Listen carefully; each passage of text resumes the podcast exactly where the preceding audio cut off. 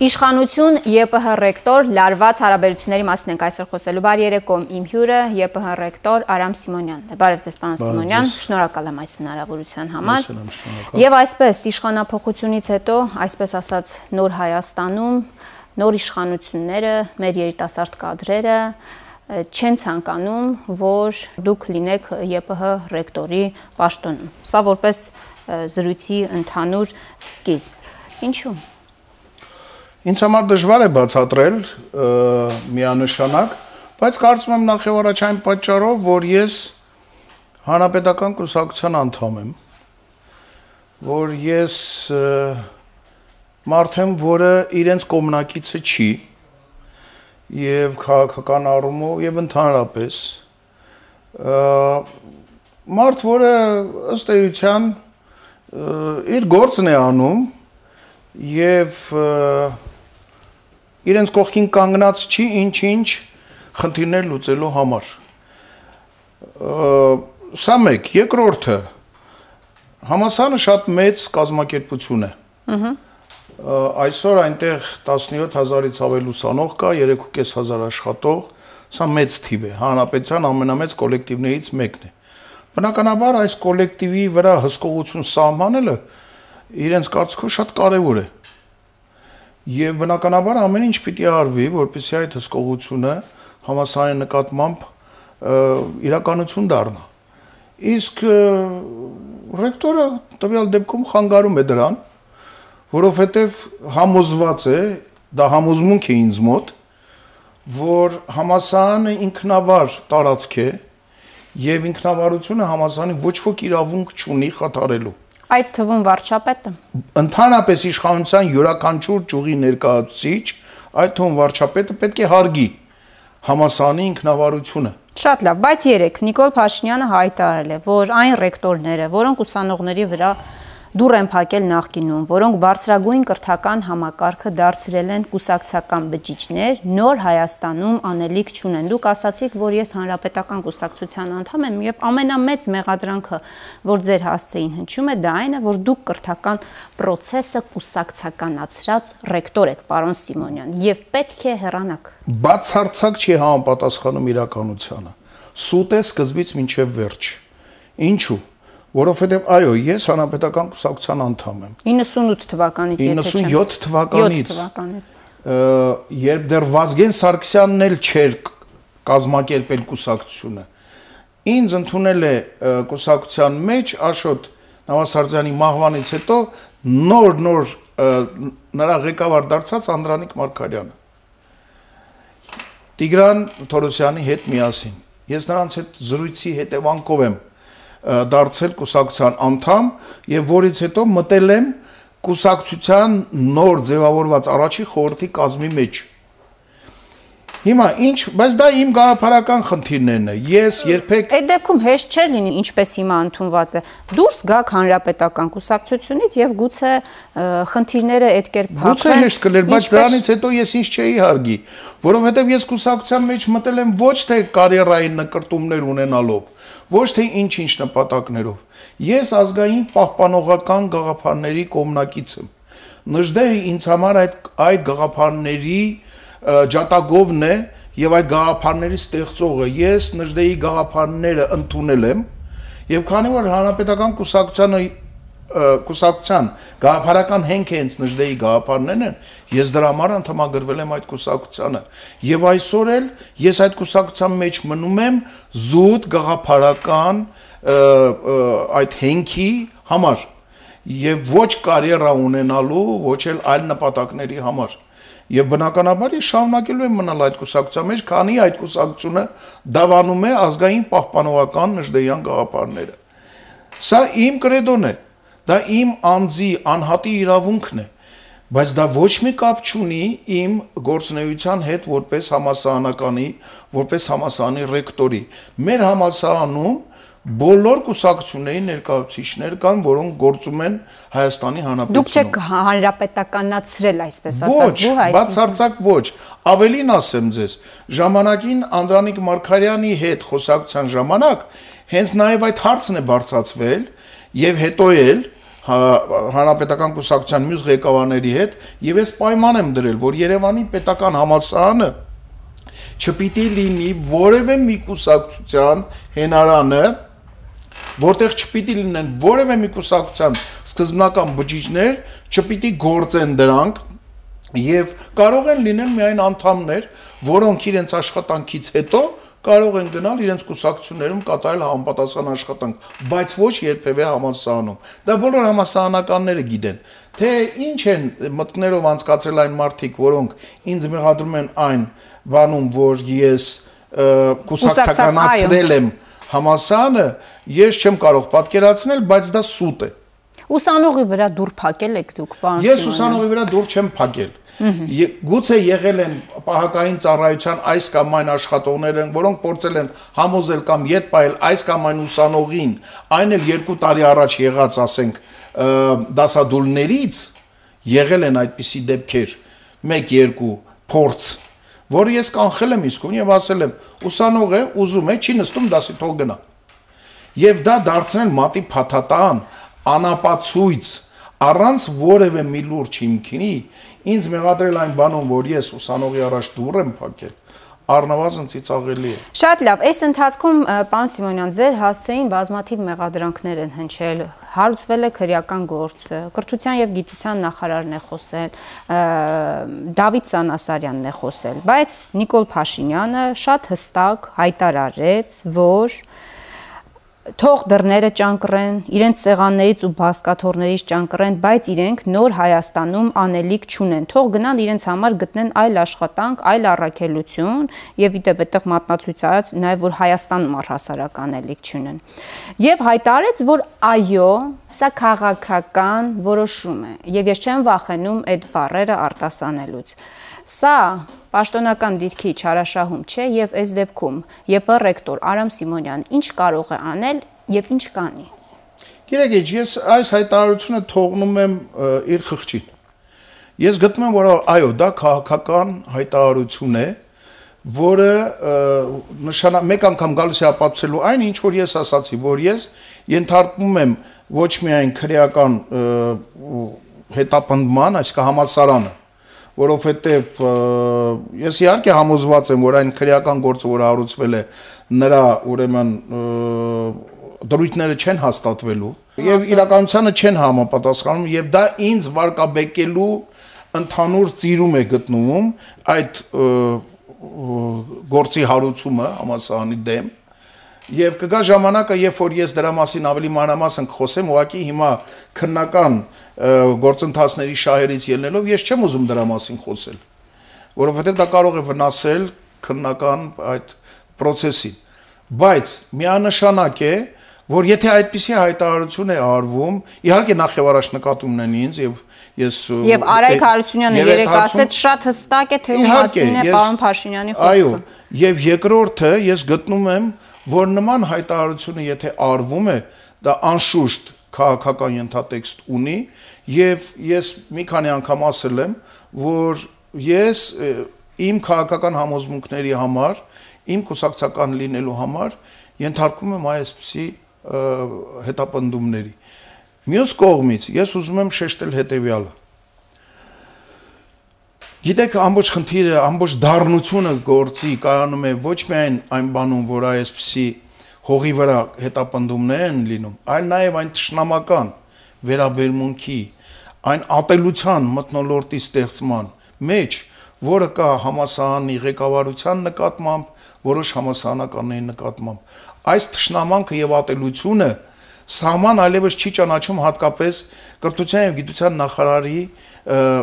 խոսքերում Ով ասեց, որ այն դեգրադացիան, որ կա ԵՊՀ-ում, կհանգեցնի իրենը, որ խորհուրդը կշարունակի քննել ձեր հրաժարականի հարցը։ Չեմ բացառում։ Արայք Հարությունյանը պնդում է, որ դեգրադացիա է ԵՊՀ-ում։ Ես չեմ չեմ ուզում ուրեմն կասկածի տակ դնել, որ հոգաբարձների խորհուրդը կարող է այդ հարցը քննել,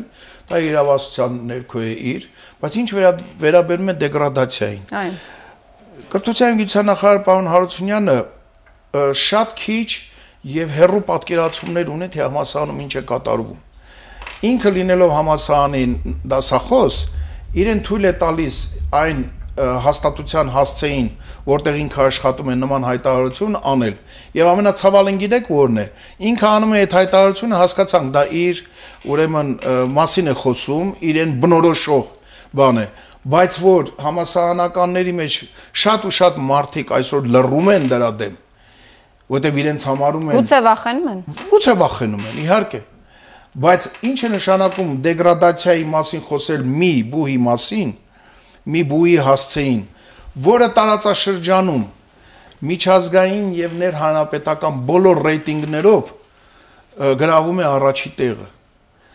Բոլոր ռեյտինգներով դուք կարող եք բացել եւ տեսնել հանրապետության թիվ 1 բուհն է։ Այո։ Բացի այդ, տարածաշրջանում գրավում է 1-ից 3-րդ տեղերը նայած ռեյտինգային համակարգի։ QS-ով, Webometrics-ով, նույնիսկ թուրքական,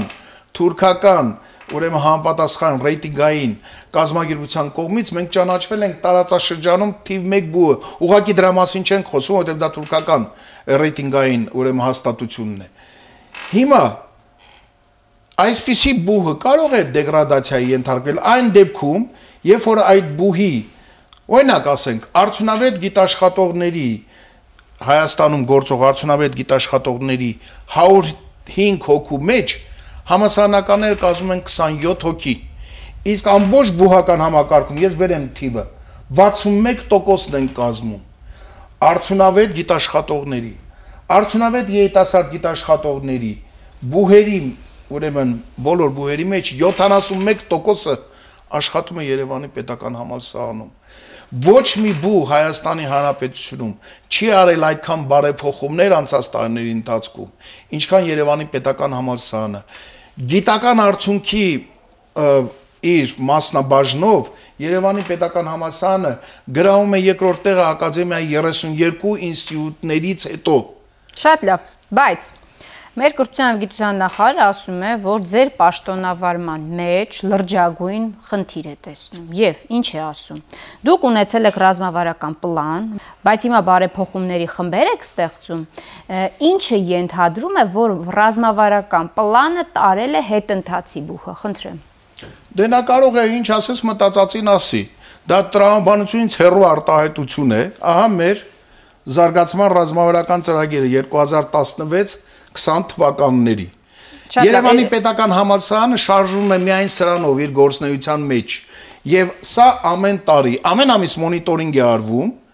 եւ ամեն տարի հաստատվում է հոգաբարձուների խորհրդի նիստում։ Այ տեսեք, սա անցած ուսումնական տարվա հոգաբարձուների խորհրդում հաստատված ծրագիրն է կատարողականը, այսինքն հոգաբարձուների խորհուրդը դրական է գնահատել այն ինչ արվել է համաձայն այս ռազմավարական ծրագրի։ Նա այս ռազմավարական ծրագրի ես համոզված եմ, որ ծանոթ չի կամ գոնե նոր է ծանոթանում։ Չգիտի սրա մեջ եղած կետերի բովանդակությունը ինչ է արվել համասարանում։ Եվ հիմա ասում է թե եթե բարեփոխումների հանձնաժողով է ստեղծվել, Ռազմավարական պլանը նշանակում է, այո, այո։ Բայց մեկը մյուսի հետ բացարձակ կապ չունի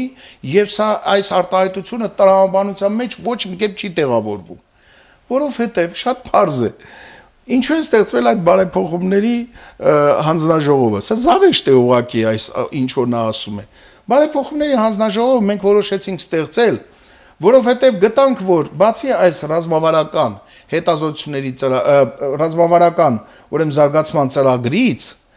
երևի անհրաժեշտություն կա մեկ անգամ եւս լսել համասարանականների կարծիքը տեղերից իմիջիայլոց այս ծրագիրը նույնպես տեղերից եկած առաջարկությունների արդյունքում է կազմակերպվել միջազգային չափանիշներին համապատասխան։ Եվ ստեղծվել է այդ անկախ մարմինը, որի մեջ կան ինչպես ուսանողներ կառուցիչներ, այնպես էլ աշխատակիցներ եւ հատկապես հիմնականում դասախոսական կազմի ու գիտական կազմի ներկայացուցիչներ։ Ես հարց եմ տալիս, ինչ վատ բան կա դրա մեջ։ Եթե մարդիկ ունեն զարգացման ռազմավարական ծրագիր, մի հատ էլ հանձնաժողով են ստեղծում, ասելով, որ հարգելի գործընկերներ,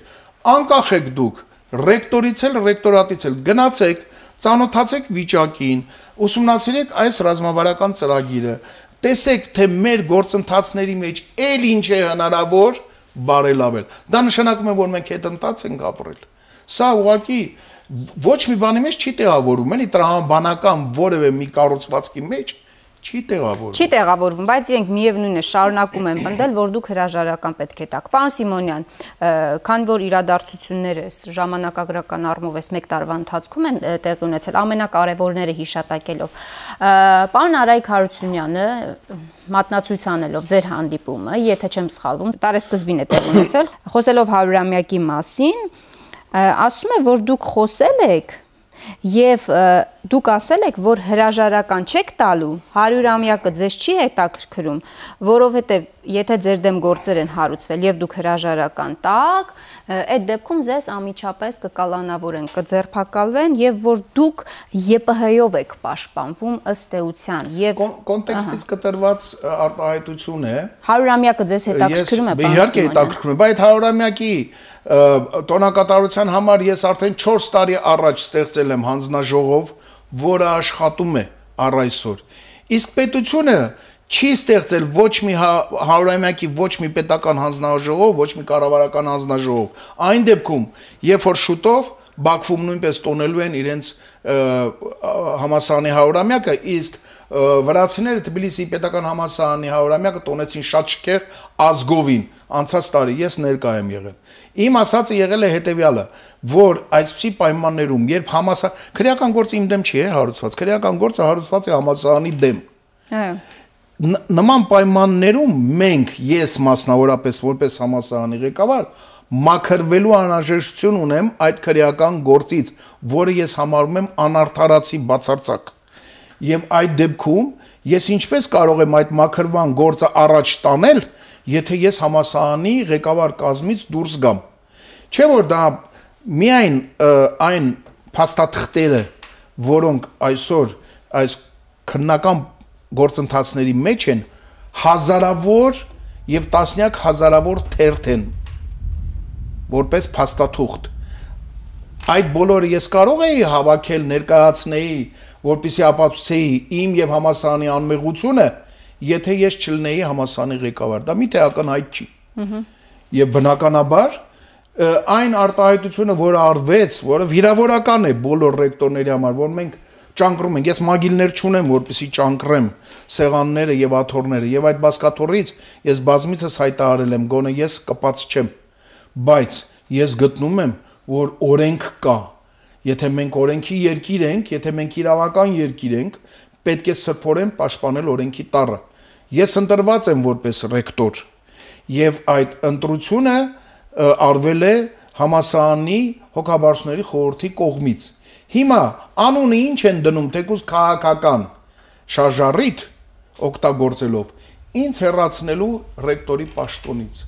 Որն է դրթապաճառը։ Ահա դրա համար էլ հրաապարակ է նետվել դեգրադացիայի մասին այդ առասպելը, որpիսի ապացուցեն, որ համասարանում ոչ մի լավ բան չի կատարվել, որ համասարանը հետ ընթաց է ապրել։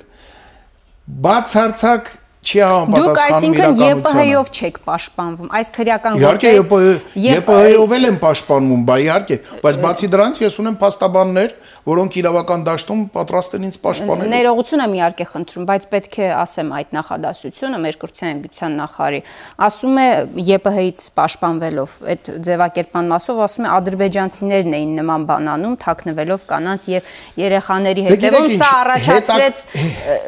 համացանցում շատերի զայրույթը, որ բացարձակ անտակտ, անքաղաքավարի արտահայտություն է, բացարձակ եւ հարիր չի այն մարդուն, որը գոնե մի քիչ կրթություն ունի։ Սա անկիրթ մարդու հայտարարություն է։ Այն էլ իմ հասցեին, որին ադրբեջանական մամուլը իմ նկարը տպելով դեռևս մի քանի տարի առաջ անհարմար է դրա մասին ասել, անվանել է հայկական Գեբելս,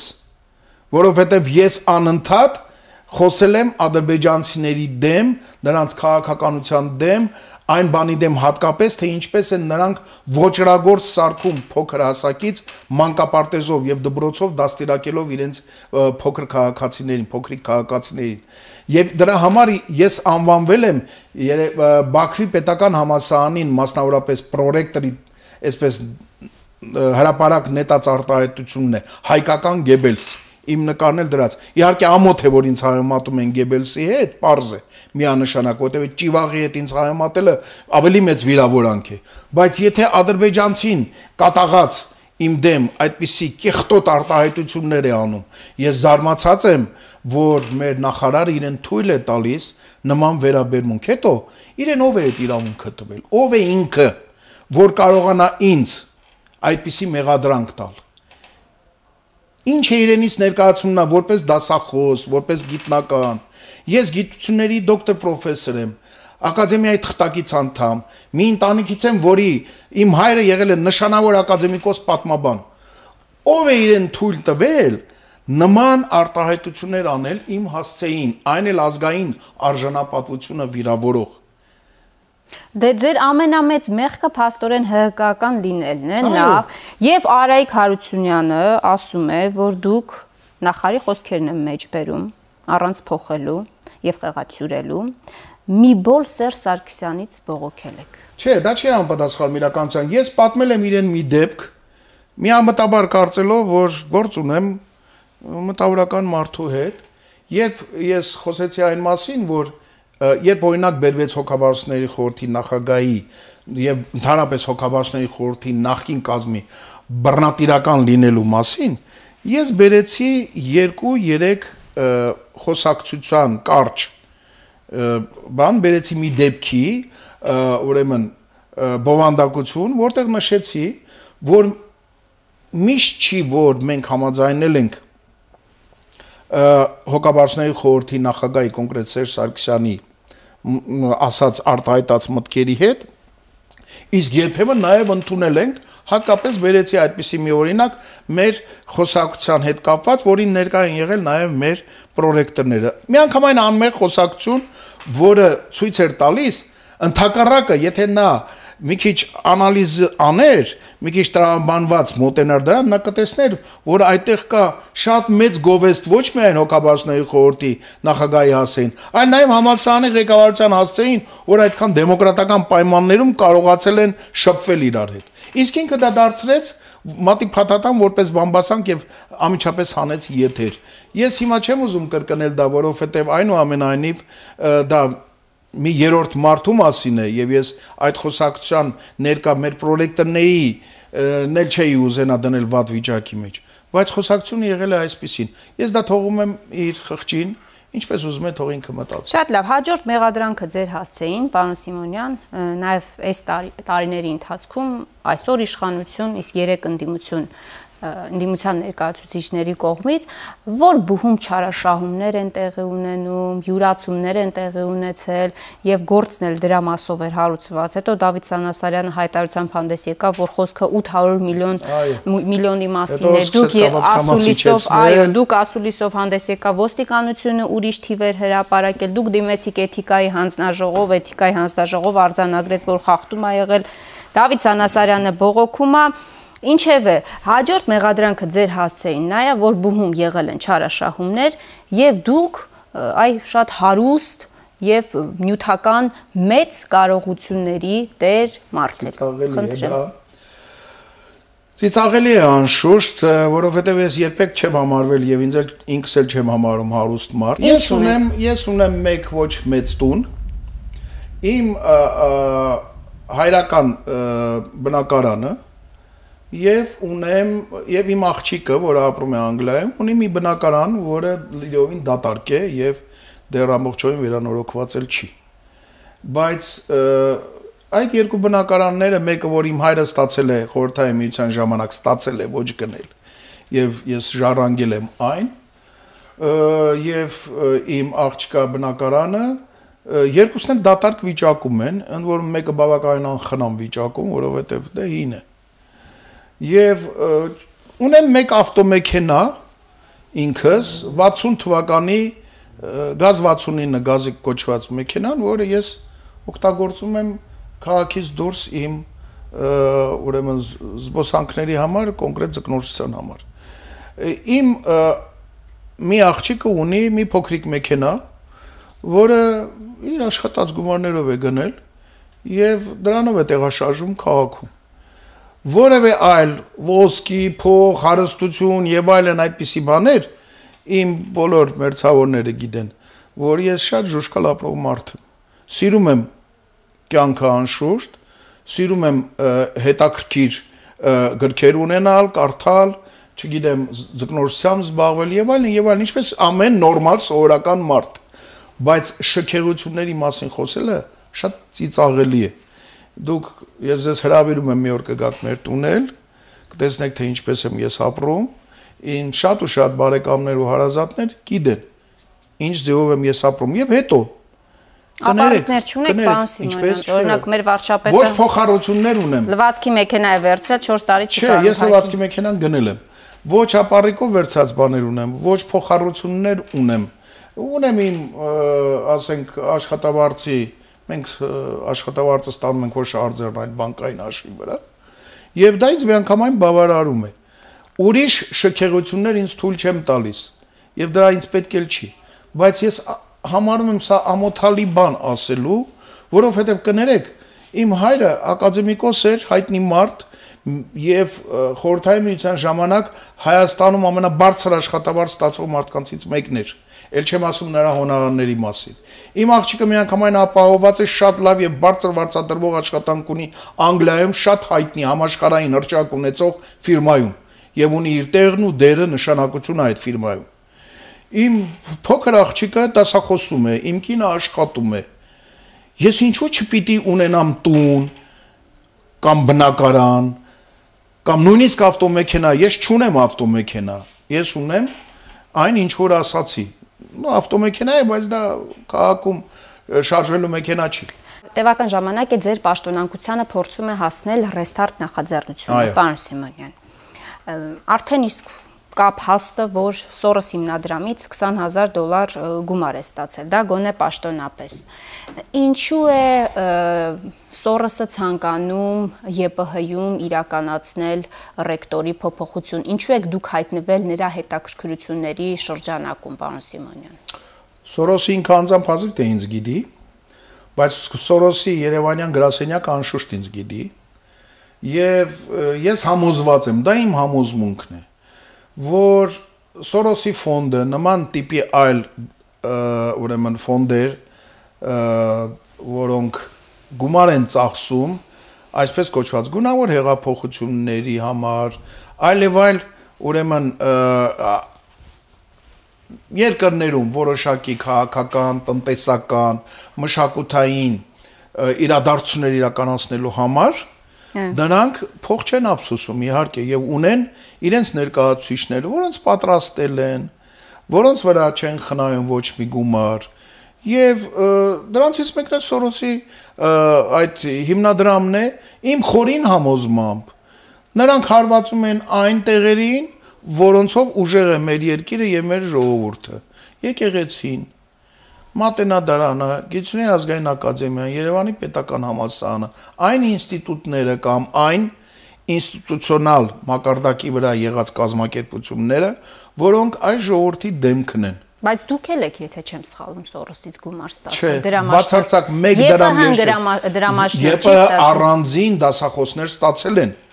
բայց դա ոչ մի կապ չունի։ Այսինքն ԵՊՀ-ն մեկ ամբողջություն որպես որպես մեկ ամբողջություն դասախոսները անհատական են անհատական դիմել են ստացել են Դիմել են, ստացել են այդպիսի դասախոսներ եղել են, բայց վերջի ոչ վերջի 5 տարում, ավելի ճիշտ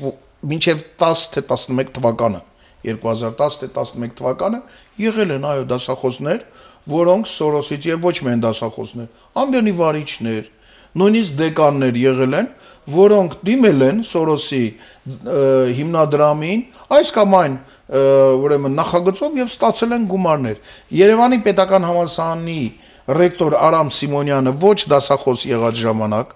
ոչ վարչակազմի անդամ եղած ժամանակ մեկ լումա չի ստացել Եվ նաև ԵՊՀ-ն որպես մեկ ամբողջական ԵՊՀ-ն որպես մի ամբողջություն երբևէ եւ երբեք չի ստացել Սորոսից մի ինչ որ գումար իր նպատակների համար։ Մենք այլ հիմնադրամներից ստացել ենք գումարներ։ Իզմիրլյան հիմնադրամից ստացել ենք մեր գրադանի համար, ուրիշ հիմնադրամներից ստացել ենք, բայց ոչ Սորոսից։ Ես նորից եմ կրկնում, որպեսզի այդ ասեկոսներին վերջ տրվեն, Երևանի պետական համասարանի աշխատակից Արամ Սիմոնյանը երբևէ մեկ լումա չի ստացել։ Իդեպ տեղեկություններ կան, որ նաև ձեր ձեզ փոխարինողի անունը կա արդեն Սորոսա մերձ, այսպես ասած, անհատի անուն է շրջանառվում։ են տարբեր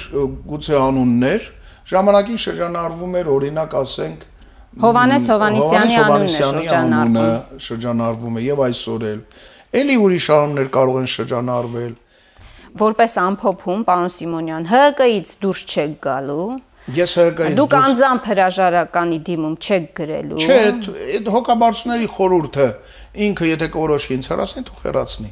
եթե այդպիսի հիմնավորում ունի Արայք Հացունյանն ասում էր նախորդ անգամ տեխնիկական ոչ մի տեխնիկական բան չեն տեխնիկականը ո՞րն է այսինքն լույսերը հանգան թե միկրոֆոնը անջատվեց ինչ է նշանակում տեխնիկական դրել են օրակարգը քվեարկության օրակարգը չի անցել Դրա մեջ տեխնիկական ինչ կա։ Խոսվում էր ճնշումների մասով, գուցե բոլորի հետ չեն կարողացել, չեն հասցրել հանդիպումներ ունենալ։ Ինչ կա որ, շատ հնարավոր է։ Որ մարդկանց վրա ճնշումներ եղել են կան ու կլինեն, դա միանշանակ է։ Բայց գիտեք ինչ, վերջին աշխարհ համասարանը մնում է համասարան, այնտեղ շատ կան ազնիվ իրենց գործին հավատարիմ մարդիկ, որոնք տեսնում են ինչի ինչ է եւ բնականաբար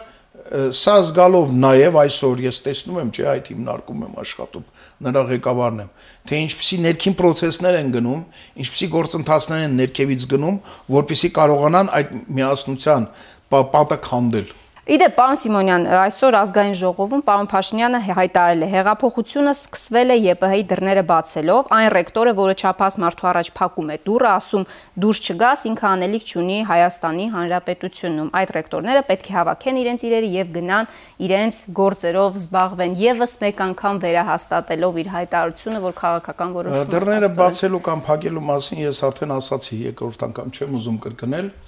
ոչ ոք այդ թվում երկրի վարչապետը ինձ չի կարող ցույցում տալ, թե ես իմ երկրում պետք է ապրեմ, թե ոչ,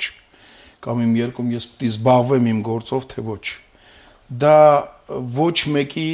ուրեմն իրավունքը եւ պարտականությունը չի ինձ զրկելու իմ երկրում ապրելու եւ գործելու իրավունքից։ Ձեզ ուզում են արտաքսել փաստորեն, պարոն Սիմոնյան։ Հիմա գիտեք ինչ,